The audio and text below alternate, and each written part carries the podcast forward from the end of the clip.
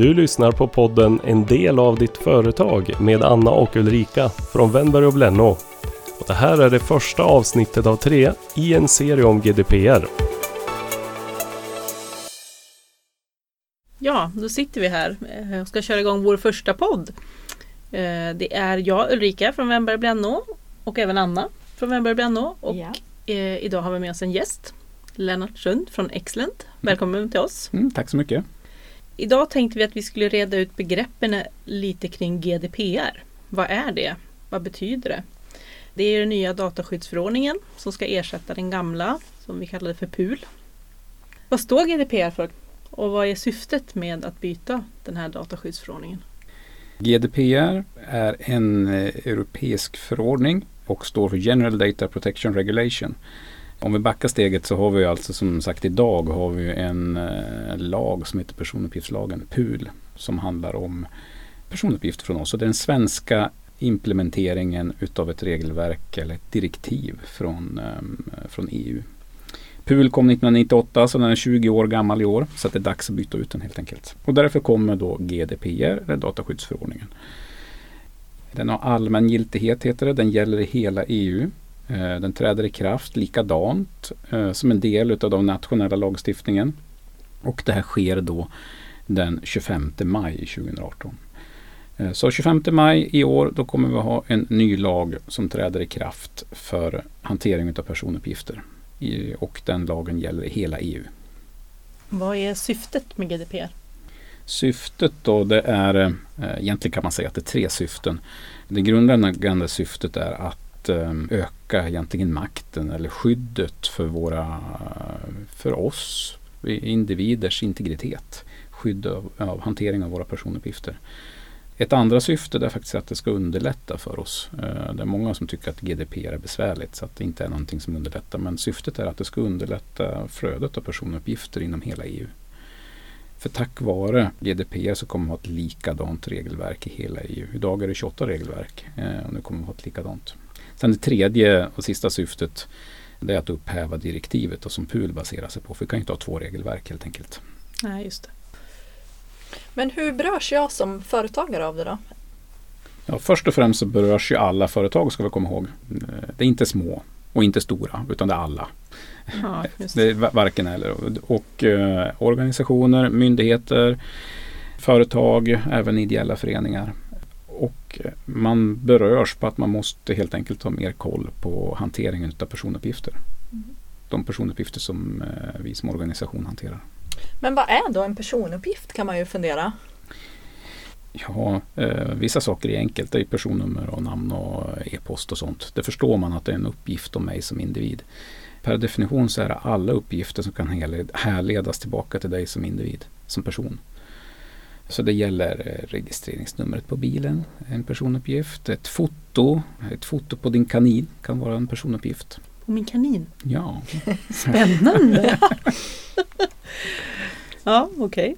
Men då känns det som att överallt så förekommer det ju massvis med ja personuppgifter det gör det. i alla verksamheter. Mm, För jag menar alla, de flesta e-postadresser är ju ett för och ett efternamn. precis. Så vi får att göra med andra ord helt enkelt. Ja. Mm. Hur går man tillväga då som eh, företagare? Först och främst så måste man ju veta vilka personuppgifter man har och vilka personuppgiftsbehandlingar man gör. Så det första man ska göra är att inventera alla personuppgiftsbehandlingar som man gör. Se vilka man gör, hitta en laglig grund till varför du, ska, varför du mm, gör den här behandlingen. Vad är ändamålet med det? Varför behandlar du de här personuppgifterna? Hur länge kommer du att spara dem och varför ska du spara dem så här länge? En, en viktig del i, i ehm, dataskyddsförordningen det är det att eh, det står uttryckligen att man får inte spara fler personuppgifter än vad man eh, behöver. Så därför är det här ändamålet viktigt. Så att man, eh, det finns något som heter uppgiftsminimering som betyder att man ska, ska spara så få personuppgifter som möjligt. Om man ska ta ett exempel, som företagare har ju ett kundregister Mm. och jag säljer till min kund på faktura Mm. Och kunden betalar fakturan.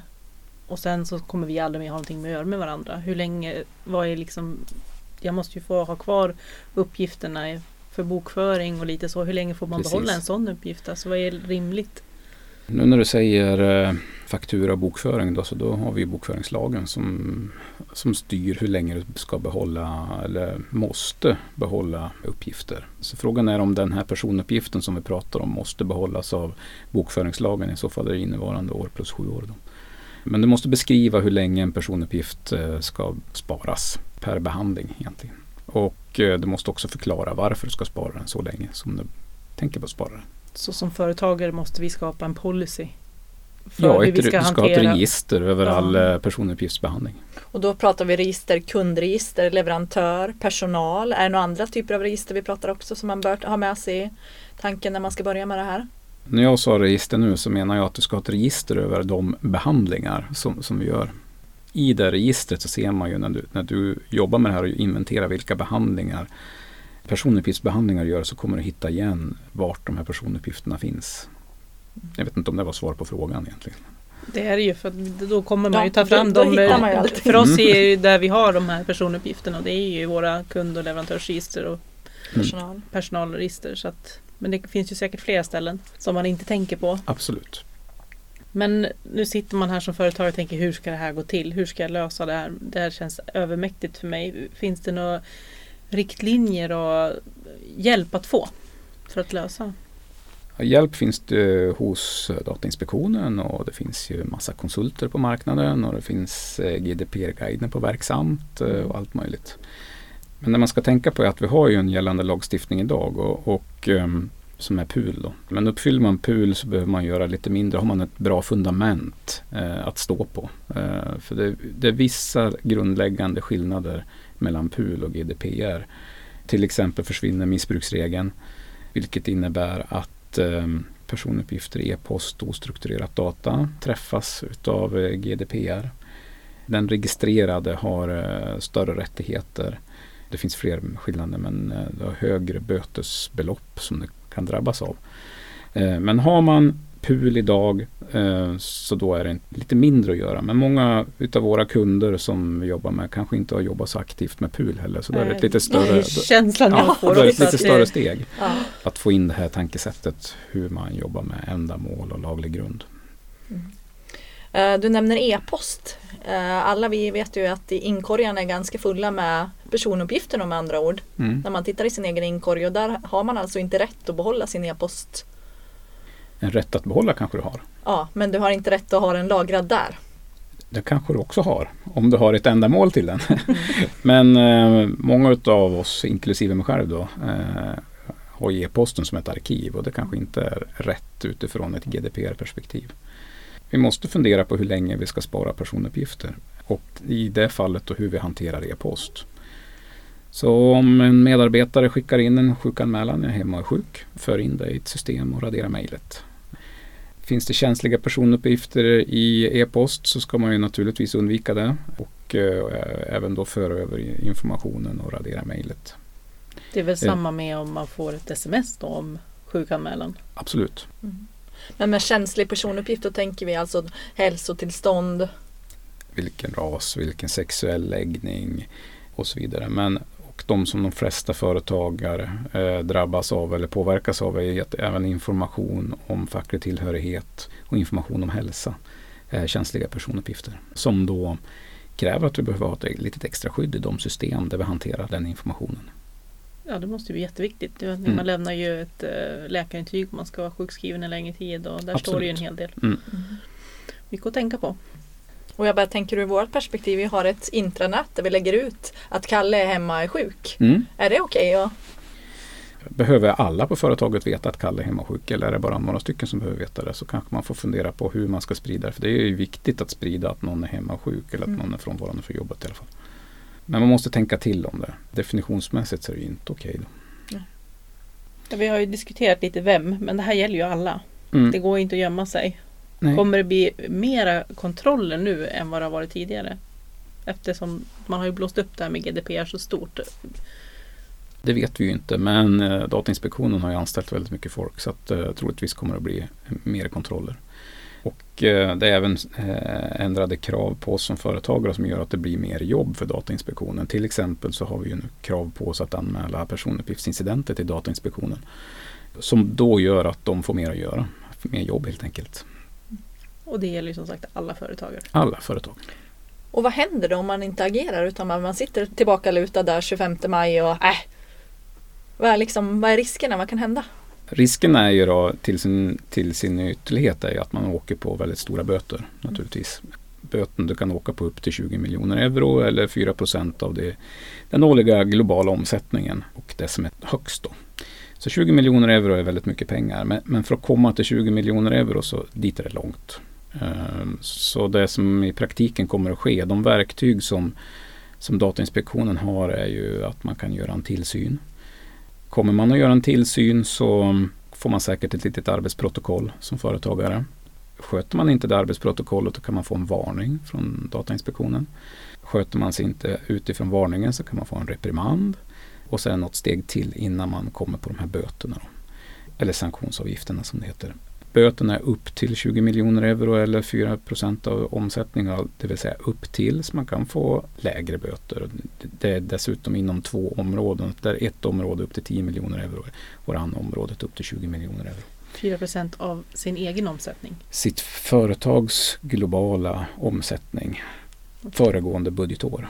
Mm. Eh, Men det som är störst, eh, det vill säga är 4 procent lägre än 20 miljoner euro. Så då är det 20 miljoner euro som är maxbeloppet som du kan bli dömd till. Okej. Eh, Men eh, om de kommer och ska ut, bedöma och ge sanktionsavgifter eller böter då, då kommer man att ta hänsyn till allting som man har gjort. Så det man inte vill är att man har mycket personuppgiftsbehandlingar och inte har gjort någonting och råkar ut för något. Då, kan, då blir det ett högre bötesbelopp än om man har gjort så gott man kan och gjort ett antal åtgärder. Inventerat sina personuppgiftsbehandlingar, gjort någon bedömning utifrån om det är eh, känsliga personuppgifter och så vidare. Hur samarbetsvillig man är säger man också från Datainspektionen att man kommer att bedöma. Backa lite till det här, vi säger företagare. Man kanske ska klargöra vad företagare är. Det är ju inte bara om man har aktiebolag. Jag antar att det gäller om man har enskild firma också. Det gäller om man har enskild firma också. Mm. Mm. Det gäller tänker- inte privat behandling. Alltså om jag som Lennart Sund privatperson behandlar personuppgifter så gäller det inte.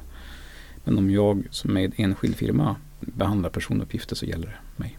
Det kan ju vara svårt att dra en gräns. Vad är privat Absolut. och vad tillhör firman om man kör enskilt? Så För man kan ha samma mailbox. Och, så där måste man ju tänka till. Det blir Mm. nästan en viktigare då. Man ska ju komma ihåg att det är personuppgifter. Det vill säga ett organisationsnummer på en eh, juridisk person är inte en personuppgift. Men i kolumnen där vi har organisationsnummer så kan det ju faktiskt vara så att vi gör affärer, kunder eller leverantörer som enskild firma som då har ett personnummer i den kolumnen. Vilket innebär att vi måste behandla den här kolumnen organisationsnummer som en personuppgift. Att den kan innehålla personuppgifter. Så är det. Mm. Mycket att tänka på. För jag tänker om som enskild firma att man, man tycker att det här gäller inte mig. Jag tror att det är en stora man kommer stöta på. Mm. Att det här gäller inte mig. Nej. Men nu kommer det ju att gälla alla. Jag har varit med om eh, några större organisationer där man eh, tror att det bara eh, handlar om personuppgifter på medarbetare. Då brukar jag fråga, man har inga kunder eller leverantörer. Och då förstår man ju att jo, men där finns det också personuppgifter på mina kunder och leverantörer naturligtvis. Så att det gäller medarbetare, det gäller kunder, det gäller leverantörer, det gäller egentligen alla personuppgifter som man eh, använder. Är man en skola har man elever. Man kanske har partners och så vidare.